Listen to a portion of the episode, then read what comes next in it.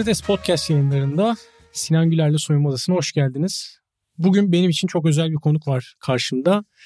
Sema Kasapoğlu ve anlatmaya başlasam neresinden başlayacağım çok bilemediğim ve aynı zamanda da bugün Türkiye'de spora dair bir şeyler yapabiliyorsak, burada spor hikayelerini anlatabiliyorsak, geçmişe dönüp baktığımda sporu oynayarak yapabiliyorsak Sema Hanım'ın babasının açtığı yollarla buralara geldik. Kendisi Turgut Atakol'un kızı ama sadece Turgut Bey'in yaptıklarıyla ve onun sporculuk ve spora katkılarının hikayesiyle değil kendi yaptıklarıyla da değerlendireceğimiz bir sohbet olacak. Sema abla hoş geldin nasılsın? Hoş bulduk. İyiyim. Sağ ol. Beni davet ettiğin için çok teşekkür. Yani biraz şaşırdım tabii. Şimdi tam nereden nereye diyeceğim ama.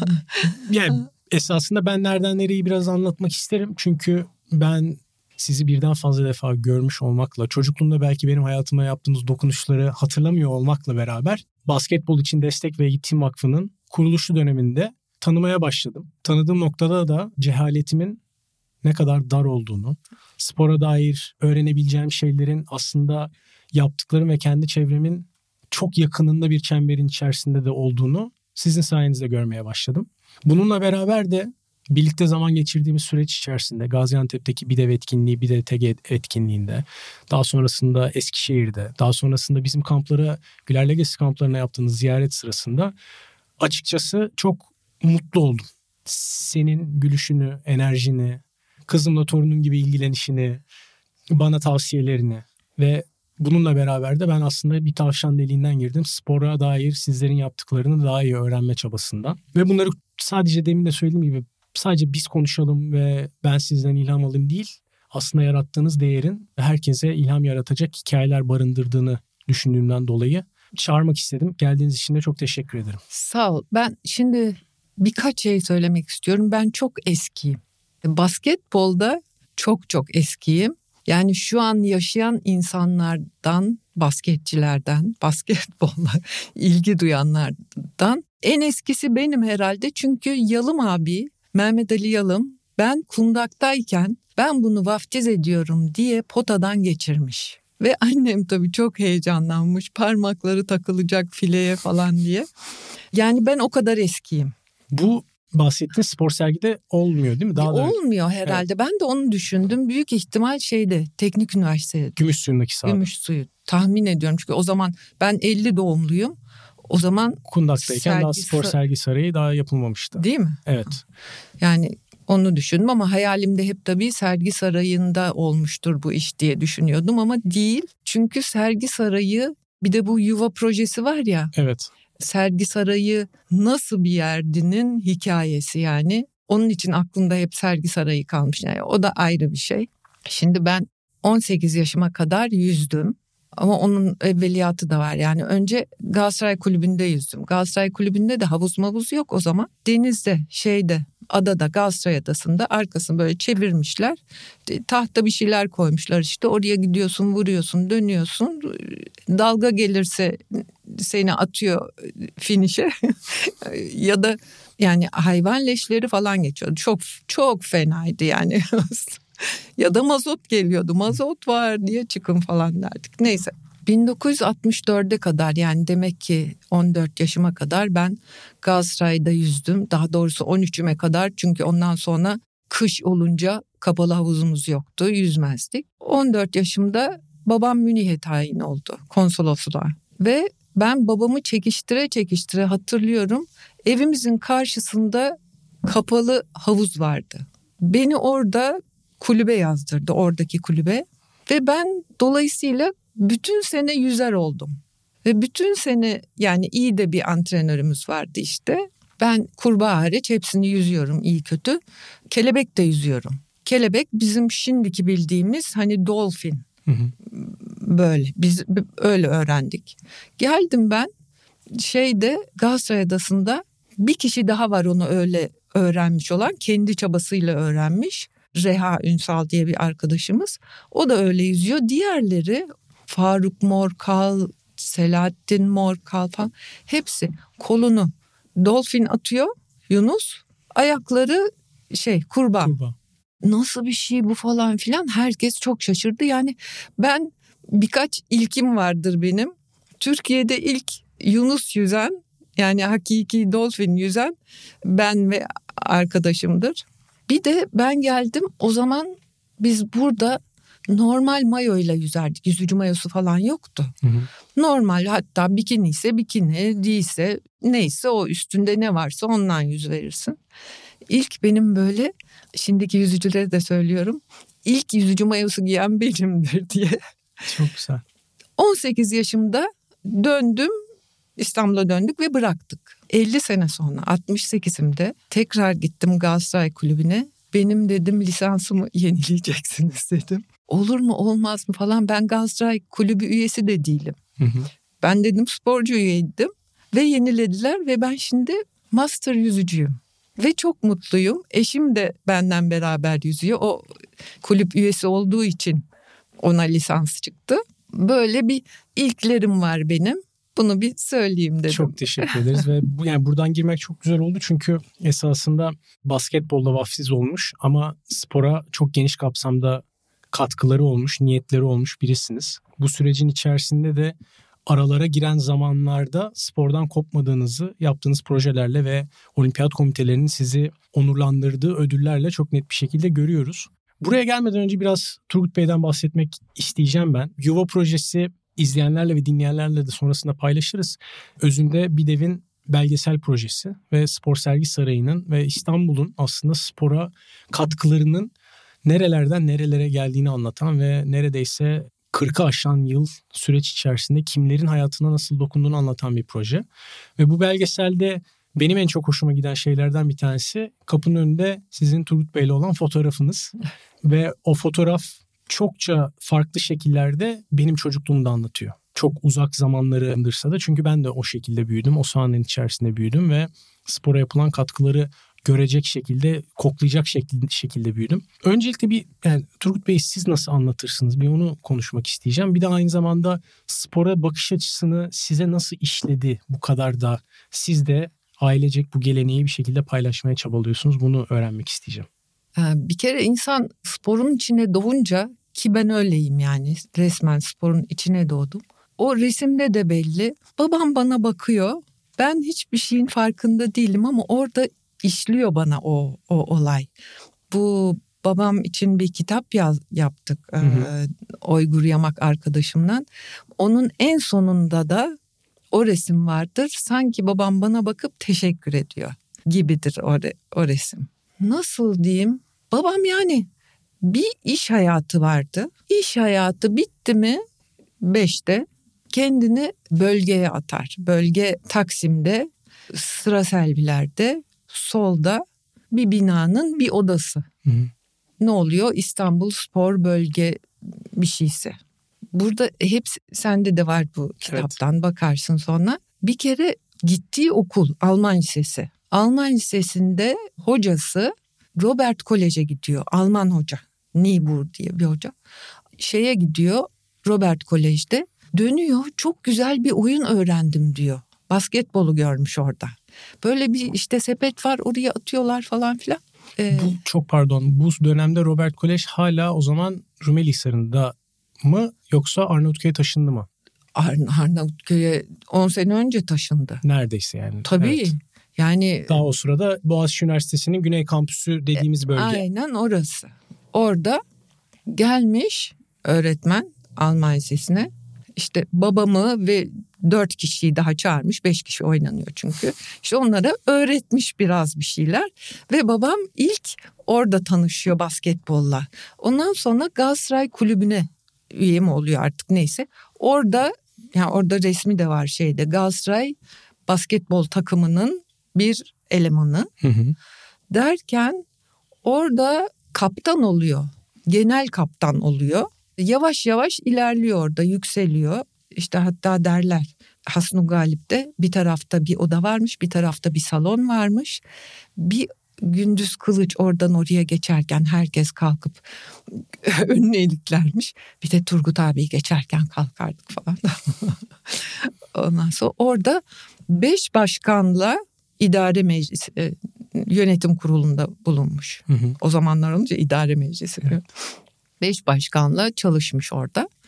Ondan sonra ama tabii daha gençken şey kürekçi orada. Hı hı. Genel kaptan ama kürekçi. Annemle de orada tanışıyorlar zaten. Ki ge- beraber Galatasaray Müzesi'ndeki resimlerde hem annenizin hem de babanızın fotoğrafları da var takımlarıyla beraber kaptan oldukları dönemden. Evet, Evet. o belli 1943 galiba İstanbul şampiyonu. İkisi de annem de kendi takımının kaptanı, babam da kendi takımının kaptanı. Bu Galatasaray Lisesi'nin karşısındaki müze. Yani postanenin müzesi Evet. orada. Giriyorsun ikinci katta karşıda Metin Oktay'ın Balmuma heykeli dönüyorsun sol tarafta annemle babam. Çok gurur duymuştum ya çocukların hepsini benim üç çocuğum var işte. Hepsini götürüp bakın bu hepsi de koyu Galatasaraylıdır. Başkaları alınmasın. Ondan sonra babam yani mesela Osman Solakoğlu çok yakınımız basketbolun içinde Galatasaraylı falan gelirdi. Konuşuyoruz yani ben değil de babamla konuşuyorlar. Hadi abi ben kalkayım diyor. Ama saat bilmem kaç olmuş artık. Kalkıyorlar. Bir beş dakika orada konuşuyorlar. Kapıya gidiyorlar yavaş yavaş. Bir on dakika kapıda konuşuyorlar. Daha devam ediyorlar. Asansörün orada bir daha konuşuyorlar. Bir türlü ayrılamazlardı. O spor konuşması bitmez. Burada aslında bir sürü başka şey de var. Yani sonuçta mesela bu kitabın ilk başında FIBA Hall of Fame'de tek Türk babam vardır. Evet. Ben babamı tabii ki basketbol oynarken değil ama hakem dururken çok seyrettim. O zaman da sen hatırlamazsın iki hakem vardı. Evet. Ve ikinci hakem şimdi bakıyorum hiçbiri geri geri koşmuyor. İkinci hakem daha doğrusu baştaki hakem geri geri koşar ki bir şey kaçırmasın diye. Hiç bir tane hakem geri koşmuyor çünkü üç hakem var ve şu an. Üçgen Hepsinin- var ve orada daha farklı bir takip sistemi var. Evet, evet. İşte ondan dolayı da galiba bir tane şey yazmıştı. Araya girmek istiyorsan söyle yani. Bu hakemlik kitabı. Hakemler için eğitim kitabı yazdı. Evet ondan da bahsedecektik. Ha. Evet. Ve yani bütün dünyada kullanıldı bir müddet için. Kurallar değişene kadar özellikle. Evet, evet. Ben iki hakemin sonlarında oynadım esasında ama tabii babamın e, oynadığı dönemi bildiğimi de şey yaptığımda esas dönem orada ta- tabii ki farklı şekillerde gelişiyor. Babanızın Türk sporuna katkıları yatsınamayacak boyutta ve bence buradaki önemli etkenlerden bir tanesi de 2000 olimpiyatlarıyla beraber Türkiye'de İstanbul'un olimpiyatları olimpiyatlara ev sahipliği yapma adaylığı süreci var.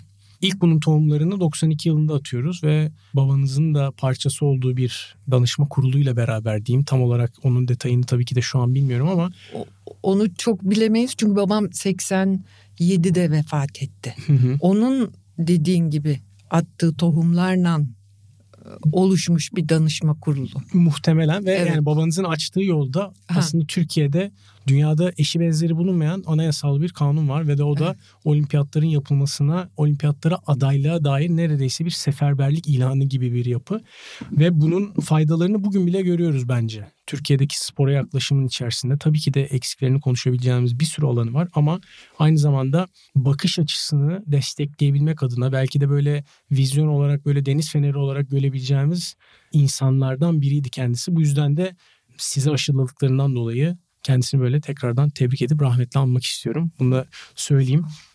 Bir tarafından da ailenin tek çocuğu olarak büyüdünüz. Üç tane çocuğunuz olduğunu söylediğiniz bir tarafından ama belli bir noktayı tamamen spora geri vermek için çaba gösterdiğiniz bir dünya var. 2011 yılında İstanbul Kireçburnu Spor Kulübü için tasarladığınız her kız spor yapmalı parolasıyla yola çıkan Çim Filizleri projesi Olimpiyat Komitesi, Uluslararası Olimpiyat Komitesi tarafından Avrupa Kadın ve Spor Ödülü olarak size verildi. Buradaki tabii ki de yaptıklarınız esasında dokunduğunuz hayatlarla çok güzel bağdaşabilecek şekilde. Çünkü düşündüğünüz dünya içerisinde spor herkesin ulaşabileceği bir şey olmalı ve bunu yayabilmeli. Bununla alakalı projenin devam gelmediğinden dolayı belki de aklınızda kalanları paylaşabilir misiniz? Şöyle projenin devamı dediğim şu an Kireçburnu kadın futbol takımı birincilikte oynuyor. Yani 6 ile 16 yaştan çıktı. Artık benim çok çok tasvip etmediğim oyuncu satılıyor, alınıyor falan böyle paralar Profesyonelleşti. içine. Ama yani en son mesela bir 3 sene önce falan birinci lige çıktı bizim takım ve Kireçburnu'nda ana caddede kocaman Kireçburnu kadın futbol takımına birinci ligde başarılar dileriz diye bir sene boyunca bütün insanlar gördü bunu. Aa, hmm. hani kadın futbol takımı var, varmış diyenler.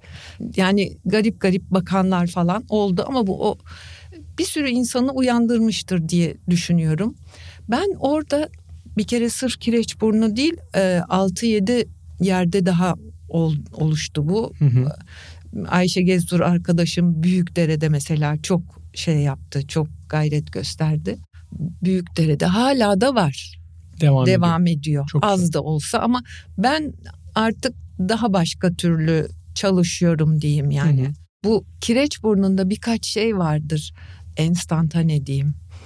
Ee, küçük kızlardan biri ama yani hakikaten bacak kadar biri geldi böyle ben seyrediyorum antrenmanlarını bunların böyle beni okşadı. Ben dedi siz üniversite okudunuz mu dedi. Evet dedim. Ben bundan önce hiç üniversite okumuş birinden konuşmadım dedi. Yani böyle insanın gözü doluyor. Başka bir tanesi çok çok e, şeydi yani sporcu olacak kesin futbolcu mu olacak basketçi mi olacak falan derken voleybolcu oldu galiba ama yani sporda kaldı çok spor okudu Beni hala yolda birileri çevirir hocam falan diye böyle şeyde e, sarı yerde. Karşılaşıyorsunuz hala da ne güzel. Frikik atılıyor. Erkekler ne yapar? Ön taraflarını kururlar. Kızlar da öyle yapıyor. ah evladım dedim gel buraya öyle değil kadınlar böyle yapar. Ha öyle mi hocam peki falan. E, bunları unutmuyorum ben. Bir sürü insanın hayatına dokundum. Hı hı. Onu hissettim de dokunduğumu. Anneleri geldi. Onlarla çok konuştuk yani her şeyden. Onları mesela sinemaya götürdüm, takım olarak tiyatroya götürdüm. Bizim hemen arkamızda TED vardır dağcılık evet. kulübü. Orada tırmanma yerine götürdüm. Orada oturuyorlar ama bir okula gidip bir eve geliyorlar. Hı hı. Arkada öyle bir kulüp olduğunu bilmiyorlar bile. Neyse çok şey müzeye götürdüm. Yani onların birazcık dünyalarını açtım, kendilerine dokundum. Baba geliyor mesela bir tanesi, bindiriyor şeye, otobüse bir yere gideceğiz. Nereye gittiğimizi bile sormuyorsunuz diyorum yani hani neredeyse ne biçim babasınız diyeceğim. Sizden geliyor ya mesele yok Sema Hanım. o güveni öyle yarattı, bir süper. Öyle olunca da insan iyice ince eleyip sık dokumaya başlıyor bir yerde mesela bir biri geldi hiç beğenmedim. Genç bir çocuk ben yardımcı olayım falan. Teşekkür ettik. Yani ne kadar dikkatli olsan az dikkat etmiş oluyorsun. Ki çocukların hayatını yönlendirebilmek adına eğittiğimiz ve vizyon paylaşmaya çalıştığımız insanların yaklaşımları çok daha önemli oluyor. Ne kadar dediğiniz gibi ince eleyip sık dokusan da fazlasıyla dikkatli olunması gereken bir konu. Peki şu an farklı şeyler yapıyorum dediğin için sadece meraktan böyle şey yapıyorum. Hı. Bir devde beraber belirli bir şeyler yapıyoruz. Farklı neler yapıyorsunuz ya da neler görmek istersiniz Türk sporunun gelişmesi adına? Biraz genişe vurmuş oldum olayı ama. Genişe vur evet. Aslında değişik şey derken yemek yapıyorum. Şimdiye kadar hiç yapmadığım şeyleri yapıyorum. ne güzel. yani yapmayı sevdiğiniz en güzel şeyim, yemek. Şeyim değişti. Ne derler? Hani ray bu tarafa giderken makas değişti. Evet. Bu tarafa gidiyorum. Yani yüzüyorum. Yani kendime bir şeyler yapıyorum. Yakın zamanda Avrupa Şampiyonası yüzdünüz hatta Master'larda değil mi? Ee, Avrupa değil. Neyse bir şey Avrupa değil. O da uluslararasıydı. Yani. Uluslararası bir turnuvada yeni yüzdünüz. Ha yüzdüm. Evet. Ha. Yani e, kimse katılmadığı için kendi yaş grubumda iyi oluyorum. Önemli olan gösterdiğiniz çaba ha. bence bu noktada. Yüzüyorum Evet şimdi eşime yardım ediyorum. Ben yani kendimi joker diye görüyorum. Nerede ihtiyaç olursa oraya gidiyorum. Bugün şimdi gene mesela buraya fabrikadan geldim. Hoş geldiniz. Teşekkürler. Ayağınıza sağlık. Çocuklarınız normal şartlarda yani tanıdığım kadarıyla sporu yapmış olmakla beraber şu an spora daha çok geri verme ve sporun içerisinde farklı alanlarda görev alarak devam ediyorlar. Onlar ne yapıyorlar? Bir onları sizden duymamız mümkün olur mu? Ee, baştan gideyim. Mine en büyüğüm. O spor fotoğrafçısı oldu ve daha çok yüzme fotoğrafı çekiyor çünkü denk düştü öyle. Hı hı. Ve 10 tane filan olimpiyata gitti. IOC'nin 4 akredite fotoğrafçısından biri olarak yani hakikaten öbürküler işte Amerikalı erkek yaşlı bilmem ne falan bir tek bizimki Türk küçücük her yere giriyor. O başarılı bir spor fotoğrafçısı oldu çünkü biz ona çok değişik sporlar da yaptırdık. Yani mesela IOC diyor ki ona çık diyor kış olimpiyatlarında şu adamları tepenin şurasından çekeceksin diyor. Gidiyor 6 saat orada yani duruyor kayakların üstünde sırtında bilmem kaç ağırlık şeyler. Hava gerçekten soğuk. Hava gerçekten soğuk bir tek parmak şunlar dışarıda falan öyle bir şey. Ya da mesela yüzücüleri çekiyor. Yüzücülerin altına giriyor e, şeyde e, havuzda. Havuzda. Onları aşağıdan çekebiliyor yani ona göre ekipmanı var tabii neyse. Yani Mine dedim sen hakikaten değişik bir meslek çıkardın ortaya. Yani spor fotoğrafçısı işte e, futbolda da olabilir. Hani hı hı. kale arkasında durursun, çekersin. O değil seninki bambaşka bir şey. Yani spordan anlaması lazım bir kere ne nerede önemli, dönüşünü nerede yapıyor, nereden başlıyor ya da kayakçı nereden gelecek, nereden dönecek falan. Mine o da bir Türkiye şampiyonluğu var snowboard'da. Ondan sonra Aylin'in benim bir küçüğüm. O da şu an kendi yaş kategorisinde dünya 11. liğine düşmüş. 8. idi teniste. Yani o günde her gün antrenman yapıyor da bazen çift antrenman falan. O da öyle. Adnan da tenis oynar. Hepsinin birer Türkiye şampiyonluğu vardır kayakta. Çok güzel. Mine'nin fotoğrafçılığıyla alakalı şöyle bir şey söyleyebilirim belki. Daha çok yani fotoğrafçılıktan çok ki dediğiniz gibi müsabaka fotoğrafçılığı kendi içerisinde böyle sıradanlaşabilir bir şey olmakla beraber bence Mine biraz daha an yakalayıcısı gibi bir hale evet. bürünüyor. Ve onu geçen gün sergiyi beraber görebildik. Ee, çok daha farklı bir enerjiyle yaptı. Gerçekten ortada o sporcunun andaki odağı ve andaki odağı ve bununla beraber o anın neredeyse hareketsiz olmasıyla beraber fotoğrafta bir enerji barındırıyor oluşunu ben Mine'nin fotoğraflarında net görüyorum. Bu yüzden de dediğiniz çok doğru yani sporculuktan geliyor olmak, farklı sporları denemiş olmak, o disiplini yaşıyor olmak hem o sabrı göstermeye ve o anı yakalamaya fırsat veriyor bence. Hem de kendini farklı zorlayacak şekillerde yönlendirmeler barındırıyor gibi geliyor. Roland Garros da mesela çekmişti. Hı hı. Şey o araba yarışında. Formula 1 mi? Formula 1. Çok Oraya güzel. Da gitti. Wimbledon'a da gitti. Yani beğenilen bir fotoğrafçı. Nice başarılarını da ve nice fotoğraf anlarını da görmek dileğimiz. Bir tarafından konuşabileceğimiz konular gerçekten sınırsız. Çünkü spora dair yapmaya çalıştıklarınız ve spora dair yapılabilecekler kendi içinde çok özel anlar barındırıyor ve konular barındırıyor. Böyle bir mirasın içerisindeyken başarıyı nasıl tanımlarsınız? Hmm, yani başarı şimdi çok geniş bir şey söyledin bana yani. Evet biliyorum. Ama yani benim kendimce de bir düşüncem var. Bir tarafından da bizim bütün dünyamızın içerisinde materyal öne çıkan şeylerin yanında başarı farklı şeyler barındırıyor. Bunu aslında. Başarı yani eğer biraz Türk gençliğinin sporcu yetişmesine katkımız oluyorsa o başarı. Gençlik sporcu yetişmeli. Başka her şey sonra gelmeli. Hı hı. Ve sporcu ahlaklı neydi Ben zeki, çevik zeki, ve ahlaklı. çevik ve ahlaklı olması lazım yani. Ama en önemli şey gençlerin sporcu yetişmesi ben bence yani. Peki Bilmiyorum. neden diye soracak olursam bilmiyorum gelirken onu düşündüm yani sorsa Sinan bana ne derim diye. Bunu demek isterim. Çünkü çok temiz bir yol bu. Yani eğer işin içine şey karışmıyorsa doping falan karışmıyorsa çok temiz bir yol. Bir, bu olimpiyatların meydana çıkması mesela. Hı hı. Eskiden bunu bir parantez açayım.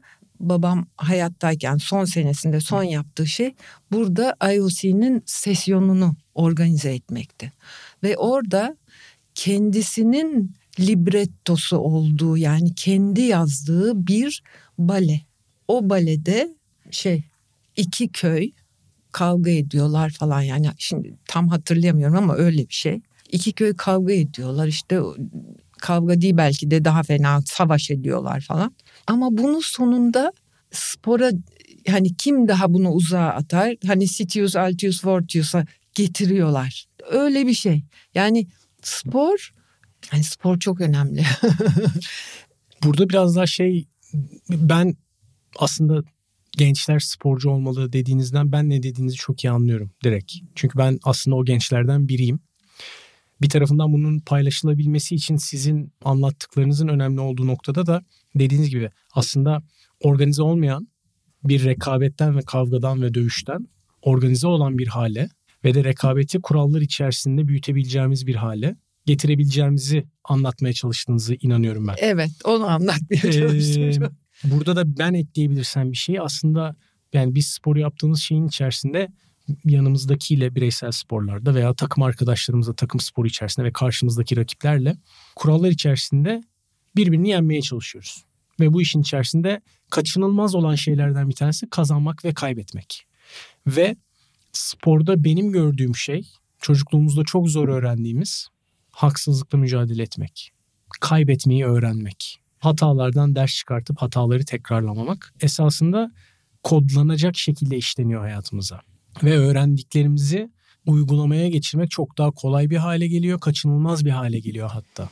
Ve özünde bunun içinde barındırdığı en özel şey o kızın size dokunurken ben ilk defa üniversiteli biriyle konuşuyorum bundan başlıyor. Çünkü muhtemelen bilmiyorum o kızın hikayesini takip edebildiniz mi ama hani sizinle tanışmasından gelen noktayla üniversite yolu farklı bir yöne geldi. Bugün bu odada bizim yanında bir yanında bir arkadaşım daha var bizim ekibimizden. Bizle tanıştığı için aynı hikayeleri paylaşabildiğimiz için sporun içinde barındırdığı özel şeyleri kendi gözüyle görüp tecrübe edebildiği için ve gerçek olabileceğini gördüğü için üniversite hayali kurmazken üniversite okuyor, üniversiteyi bitiriyor. Sonrasında spor psikolojisi okuyor. Bugün spora geri vermeye çalışıyor. Bu hikayeler spor sayesinde olabiliyor. Belki de Türkiye'de geliştirebileceğimiz şeylerden bir tanesi eğitimin içerisinde sporun ve rekabetin daha sık olabildiği alanlar yaratabilmek. Turgut abi diyeceğim ama Turgut abiyle sizlerin yarattığı mirasın bence en önemli parçası ve bence çocuklarınızla sporun sadece sahadaki müsabaka olmadığını çok net gösteriyor. Siz de gösteriyorsunuz bunu. Ben hep başarıyı sorarken tersinde sormanın doğru olduğuna inanıyorum. Çünkü çift taraflı bir madalyon var ve orada biraz daha yıpranmış bir madalyon başarısızlık tarafı. Bunu nasıl tanımlarsınız ve ne düşünürsünüz? Gene çok geniş bir şey sordun. ben çocuklara yani kendi çocuklarımı bir tarafa koyayım.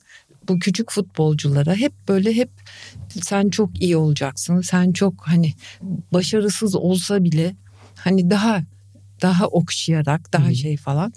Ee, o bir tane kız mesela dedim sana e, sarı yerde arkamdan koştu koştu. Sema hocam nasılsınız? falan. Aa, kocaman olmuş bu falan. Hatırlıyor musunuz? dedi. Siz bana hep dedi sen okuyacaksın senden bir şey olacak sen bir şey olacaksın derdiniz dedi. Evet dedim. Ben de üniversite okudum dedi.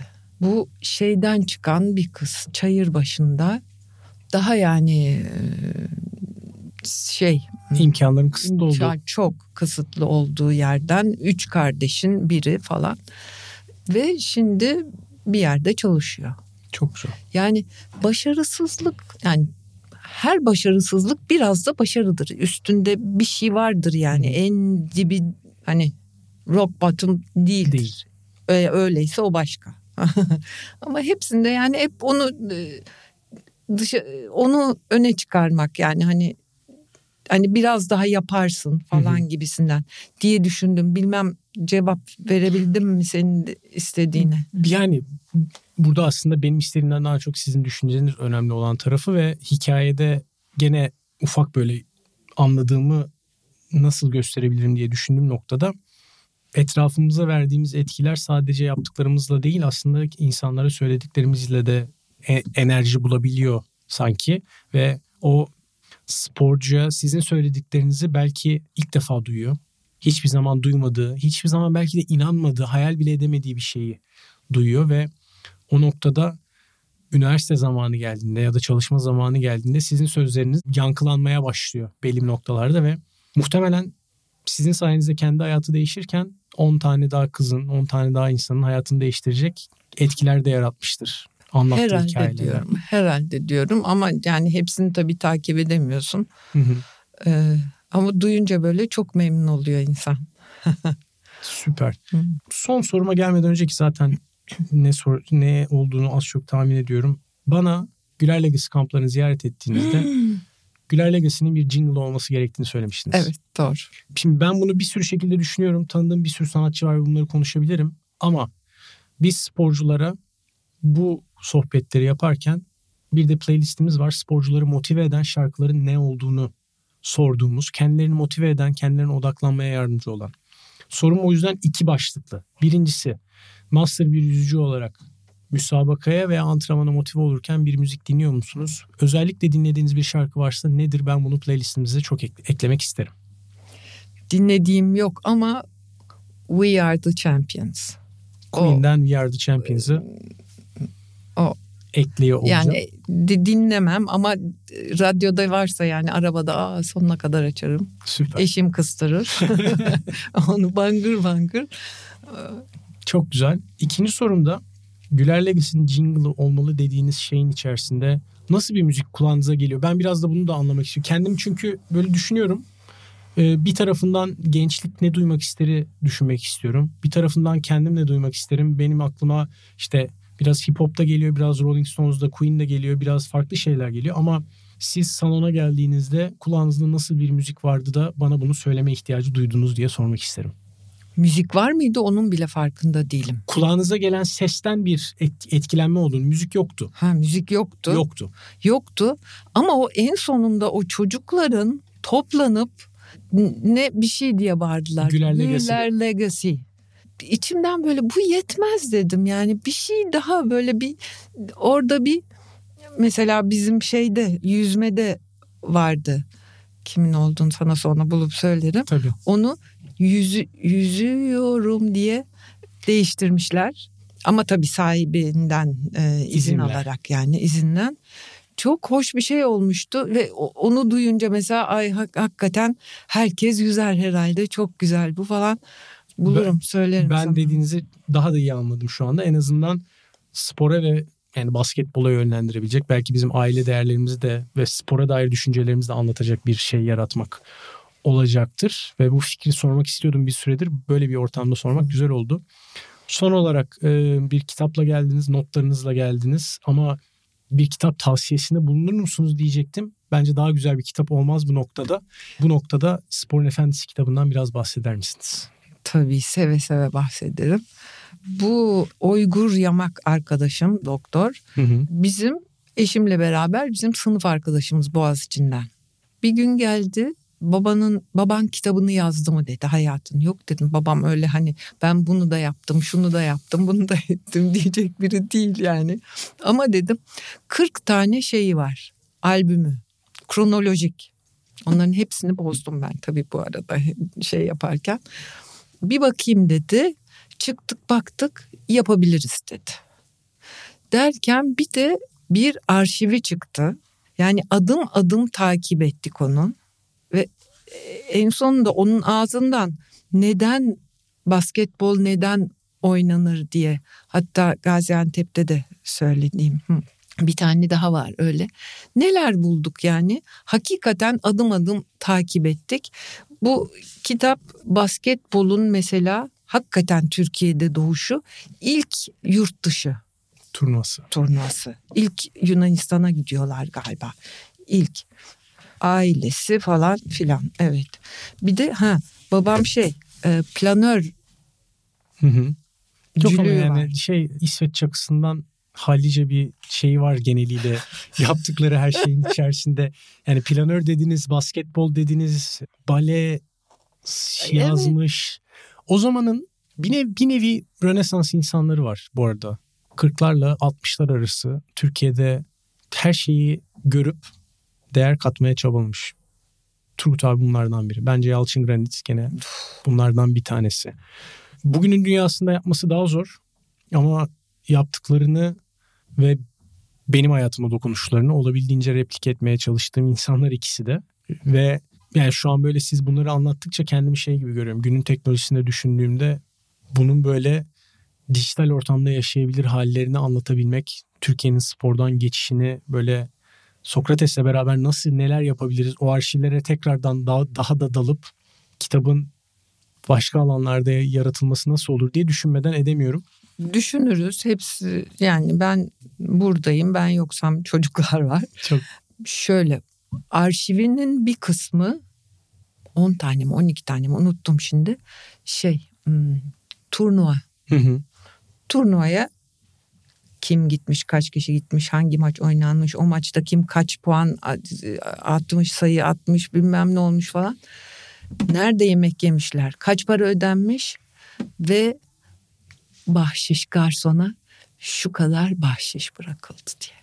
Yani inanılır bir şey Hesa, değil. Hesabı kitabı üst seviyede. Bu arada turnuva demişken aklıma geldi ve son şeyin içerisinde konudan saptım ama basketbol için Avrupa basketbolunda önemli bir yer sahibi olmuş. 23 ya da 24. yapıldı yanlış değilsem. Aa, evet. Turgut Atakol turnuvası. Evet. Türkiye'de milli takımlarda yanlış değilsem 21 yaş altı milli takımların katıldığı bir turnuva yapılıyor. 20 yaş altı. 20 yaş altı. U20. U20. Şimdi bugünkü endüstrinin içerisinde o hikayenin ne kadar sporcular için gelip geçici bir şey olduğunu düşünmekle beraber bence Türk basketbolu için önemli bir değer taşıyan turnuvalardan bir tanesi. Uluslararası bir turnuva. Farklı ülkelerin milli takımlarının geldiği bir turnuva. Ve bir noktada da aslında Avrupa basketbolunun özellikle geleceğini ön izlenimini yapabildiğimiz bir turnuva. Bu turnuvada basketbolun değer önerilerini gösteren sizin için önemli olduğunu düşündüğünüz şeyler neler? Bunu son olarak bunu sormak istiyorum ben kapamadan önce. Nasıl? Bir daha söyle anlamadım. Ee, şöyle yani ben şey gibi düşünüyorum. Evet basketbol oynanıyor ve bir turnuva ama bizler için sıradan bir turnuva değil. Orada bir mirası anlatmanın devam ettiği bir hikaye var. İsmi gereği. Burada evet. biz neleri daha, daha iyi paylaşabiliriz? Neler belki de anlatılmalı ve yeteri kadar anlatılmıyor? Yani etrafta duyulmuyor mu diyorsun? Bir, evet. bir ara şey televizyon naklen veriyordu NTV evet. veriyordu. Orada benim en sonunda işte madalyaları veririm, kupa Hı-hı. veririm falan.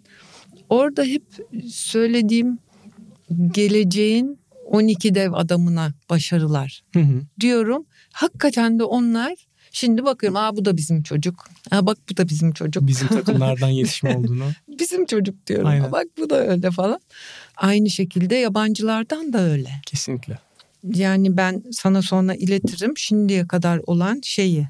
Kaç takım katılmış ilk başlarda tarihlerinden kim kaçıncı olmuş. Hı hı. Yani onların hepsi federasyonda da vardır. Federasyonda tabii, kayıtlardan da Tabii bakarız. tabii Aynen. vardır ama ben de böyle bir tıkla yollayabilirim sana. Yani ben Çok kendi güzel. şeyimi tutuyorum. Hı. Çok teşekkürler. Da ne yapabiliriz? Bilmiyorum. Bir kere ben Almanya'nın çok katılmasını istiyorum. Hı hı.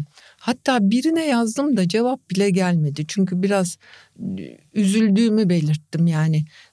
Almanya'ya basketbolun Türkiye'den gitmiş olmasına hürmeten diyeyim katılması lazım gençlerin dedim ve son 3 senedir katılmıyorlar. Zamanı da belli. Zamanı Avrupa U20 şampiyonasından bir hafta öncedir. Onun orada, hazırlık turnuvası. Evet orada kendini test edersin. E, senden iyi iki takım bulursun. Senden kötü iki takım bulursun. Hı hı. Bir de ortalama normalde altı takımdan gider. Evet aslında güzel gidiyor yani Çok keyifli. Turgay Demirel başlattı bunu zaten. Yani ben her seferinde başlatana ve devam ettirene çok teşekkür diye ailem adına diye öyle gider. Bir de her takıma kendi dilinde teşekkür ederim. Nasıl bana şey verirler. Hazır söylenecek. Hazır söylenecek. Çok güzel. Hmm. Sema abla çok teşekkür ediyorum. Ay rica ederim. Seni tanımanın böyle bir saate 45 dakikaya yetmeyeceğini bildiğim şeylerle beraber Türk sporu için yaptıklarınız için, bugünkü çabaların için ve e, bundan sonra da yapabileceklerinin yanında durabilirsem ne mutlu bana. Ay. Bunlar için e, çok teşekkürler. Katıldığın için de sağ ol. Umuyorum ki bu hikaye dediğim gibi sadece bana değil hem benim ulaştırmaya çalıştığım herkese hem de bu noktada Türk sporunu izleyen, takip eden herkese ilham verici şeyler barındırır. Çok sağ ol. İnşallah. Sağ ol. Ee, Sinan Güler'le Soyunma Odası'nı izlediğiniz, dinlediğiniz için teşekkürler.